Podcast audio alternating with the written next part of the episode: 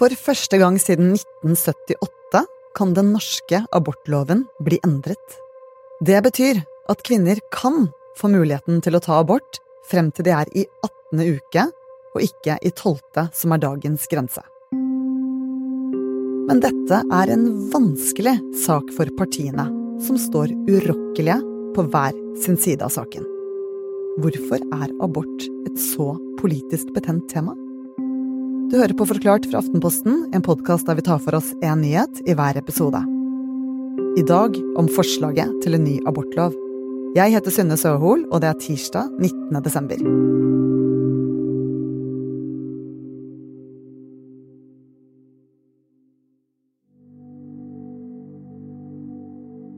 På den ene sida så handler abort om et liv. Det er et ufødt liv, men det er fortsatt et liv, da.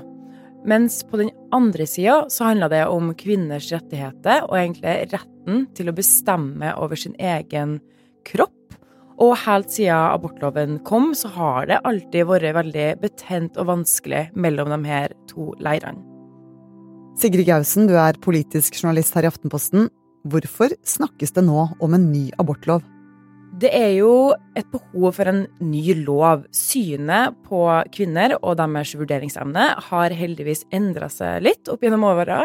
Eh, det samme har teknologien. Fosterdiagnostikk er noe helt annet i dag enn det var på 70-tallet. For i dag så vet vi mye mer om fosteret enn det vi gjorde tidligere. Og av alle aborter som ble behandla i det som kalles nemnd i fjor, så var 66% på grunn av fosteravvik. Det er rett og slett sånn i dag at det som gjøres, altså praksis, stemmer ikke så godt overens med loven, sånn som den står i dag. Abortloven i dag gir gravide kvinner rett til selv å bestemme om de skal ta abort så lenge det skjer før uke tolv. Men sånn har det ikke alltid vært. Tidligere ble abort straffet med døden, noe som ble avviklet siste halvdel av 1800-tallet. Og først i 1964 så ble abort lovlig, men bare for noen. Hvis kvinnens liv sto i fare, eller hvis kvinnen kunne få alvorlige fysiske eller psykiske lidelser ved å fullføre graviditeten, så skulle hun få lov til å utføre abort. Derfor ble det en seier i abortkampen da kvinner fikk rett til selvbestemt abort i 1978. Og siden da har den stått mer eller mindre urørt. Altså, man kom fram til denne loven hvor både dem som eh, ville beskytte ufødte liv, og dem som eh, ville beskytte kvinners rettigheter, de ble enige om det her. Og man har Mange har vært litt redd for at hvis man begynner å røre litt for mye i den loven, eller eh, med den loven der, så kan ting endres for det verre, eller Ja. Så det har vært liksom Hvorfor endre det som fungerer ganske greit i dag, da? Opp gjennom årene har debatten om abort vært vanskelig. Og vinteren 2019 demonstrerte mange tusen mot regjeringens forslag om å innskrenke retten til selvbestemt abort. Kropp, mitt valg! Min kropp, mitt valg! Dette er en markering som vi gjør pga. den nye regjeringen, og fordi KrF og Ropstad har ganske drøye meninger om akkurat kvinners rettigheter. Mitt valg, min kropp! Fortsatt sjølbestemt Diskusjonen rundt fosterreduksjon vekket mange sterke følelser. Fosterreduksjon kan f.eks. brukes i svangerskap med svært mange fostre, gjerne mer enn tre, og der risikoen for tidlig fødsel og skade på barnet er høy.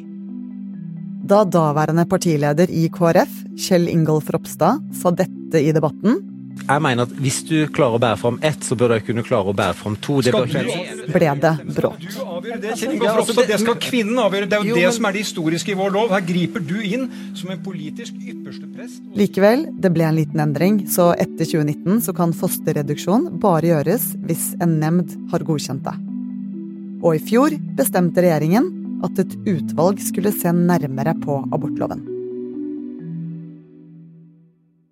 Utvalget det ble satt ned av regjeringa Støre, og de eh, fikk i oppdrag å se på abortlovens bestemmelser, hvilken oppfølging kvinner som tar abort, får, og alternativ til det som kalles abortnemnde i dag.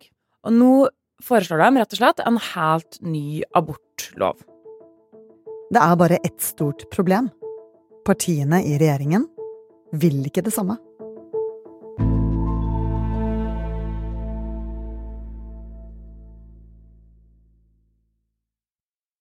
Sigrid, hva er det dette utvalget foreslår skal endres i den nye abortloven? Det er flere ting, men blant annet så mener flertallet at eh, man skal øke grensa for selvbestemt abort til uke 18. Og etter uke 18 og frem til uke 22, da må man gå i det som heter abortnemnd. Med andre ord så foreslår utvalget at kvinner selv kan utføre abort hjemme med piller frem til uke 18 i graviditeten. Og hvis du trodde at det var en walk in the park, så må du tro om igjen. I en tidligere studie så forteller kvinner om dramatiske aborthistorier med fødselslignende smerter og dårlig oppfølging etterpå. Dette får også kritikk i denne nye rapporten. Utvalget mener at eh, folk som tar abort i dag, de har for lite tilbud om oppfølging etter aborten. Og dette er jo noe som flere politikere har bitt seg merke i, som mener at det er for dårlig hjelp å få i dag. Det er òg flere som foreslår at prosedyrene før og etter abort må endres. Hvordan dette skal organiseres, vil trolig bli en stor debatt fremover. Så hvis du er uønsket gravid i dag og har gått over tolv uker i svangerskapet, så må du søke om å få lov til å utføre en abort. Du må innom det som heter abortnemnd. Og i Norge finnes 23 slike nemnder rundt omkring i landet. De såkalte abortnemndene de avgjør om en kvinne får lov til å ta abort etter uke tolv i graviditeten.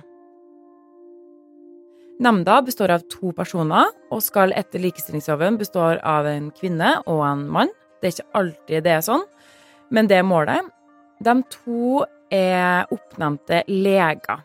Og de skal gi råd og veiledning ved denne store avgjørelsen, som det tross alt er. Og de skal lytte til kvinnen sine meninger om aborten. Men hvordan er det? Er det vanlig at de sier nei til kvinnen? Mange får ja. Hvis du får eh, nei, så går saken videre til en klagenemnd. Det er rett og slett veldig få som får nei. Og i hvilke tilfeller er det kvinner får nei? For å forklare det, så må vi se litt på hvorfor man får innvilga abort etter uke tolv.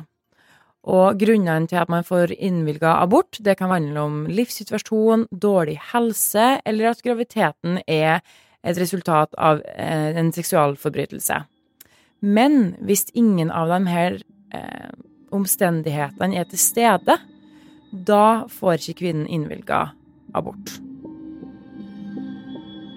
I fjor ble det utført 651 slike aborter i Norge. Bare ni av de fikk avslag, og de søkte om abort etter uke 18. Med andre ord så fikk absolutt alle som ba om det før uke 18, lov til å ta abort. Hvorfor er man så negativ til disse nemndene hvis de nesten aldri sier nei? Utvalget viser til at de som møter i abortnemnd, de opplever nemndsmøtet som både belastende og meningsløst. Metaforer som eksamen eller avhør har blitt brukt til å beskrive møtet med nemnda. Så det handler rett og slett om at eh, det er en dårlig opplevelse for en kvinne som står i et veldig vanskelig livsvalg. Hva sier det nye lovforslaget da om eh, nemndene? Utvalget de foreslår å skrote dagens nemnde, nemnder, altså slik de er i dag, men de må beholde navnet på den nye organiseringa. Og det er Språkrådet som har sagt at man ikke kan endre navnet fordi at det rett og slett er innenfor eh, definisjonen av en nemnd, som er et beslutningsorgan der man fatter beslutninger i fellesskap. Eh, men abortutvalget de foreslår å oppnevne fem til ti nye abortnemnder som skal behandle søknader om abort. Og at det skal bestå av tre medlemmer, ikke to, sånn som det er i dag. Det skal være en jurist, en person med helsefaglig kompetanse og en lege som leder.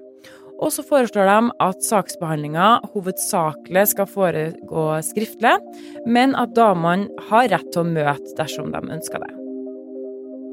Men lovforslaget om å utsette selvbestemt abort til uke 18 og endre på abortnemndordningen er lettere sagt enn gjort.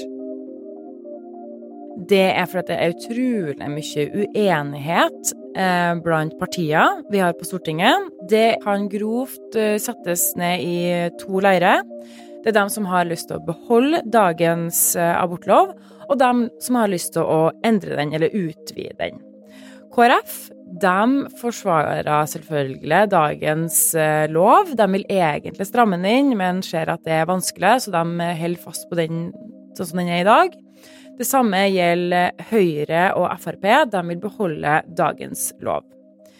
Det er i alt fem partier som ønsker å utvide grensen for abort. Rødt og SV har lyst til å ha en grense på 22 uker. Det betyr at eh, abortnemnden de skrotes helt. Arbeiderpartiet, Venstre og MDG vil ha en grense på 18 uker, sånn som utvalget foreslår. Alle de partier, fem partiene vil skrote dagens nemnd. Det er en felles enighet om at eh, kvinners rettigheter bør styrkes når det kommer til abort, og man må ha bedre opplevelser med det å ta abort. Det som er det største problemet, er Senterpartiet. De sitter jo i regjering med Arbeiderpartiet, men de ønsker ikke å utvide dagens abortlov. De ønsker, som Høyre, KrF og Frp, å beholde dagens grense på tolv uker. Og å gå bort ifra dette her, det vil nok være en ganske stor endring for det partiet, og mange vil være helt imot det. De partiene som er imot å endre dagens lov, hva er det de er redde for? Det spørs nok litt uh, hvem du spør, og fra hvilket parti de kommer fra. Men uh, mange ønsker ikke at man skal minske rettigheten for det ufødte barnet. Uh, at man skal beskytte det ufødte liv. Andre viser til at man kanskje da vil få et større selekteringssamfunn, altså at man f.eks. får færre unger med downs. Eh, andre viser rett og slett bare til at eh, man vil ikke kødde med dagens abortlov. At den står fint sånn som den er. Er det noe håp da for at vi får en ny lov? Det ser jo litt mørkt ut, og det, grunnen til det er at eh, regjeringspartiene er såpass uenige. Eh, vanligvis er det regjeringa som kommer med en ny lov og spør alle andre på Stortinget om de er enig i det her. Og de trenger jo egentlig bare SV for å få flertall, men nå er jo regjeringa sjøl uenig, og da kan det bli litt vanskelig. Vanligvis gjennomføres en lovendring på denne måten. Hver representant stemmer ved å trykke på skjermen på plassen sin i stortingssalen, og som regel så stemmer de på det partiet mener. Men noen ganger kan politikerne stemme fritt uten å ta hensyn til partiet f.eks. i eggdonasjonssaken og i denne abortloven. En joker i denne saken her er når representanter blir fritatt fra å stemme med sitt eget parti. Altså så kan man få et flertall i Stortinget hvis noen eh, politikere fra partier som egentlig er imot, eh, har en annen mening, personlig mening. Da kan man få et flertall som gjør at man får en ny abortlov.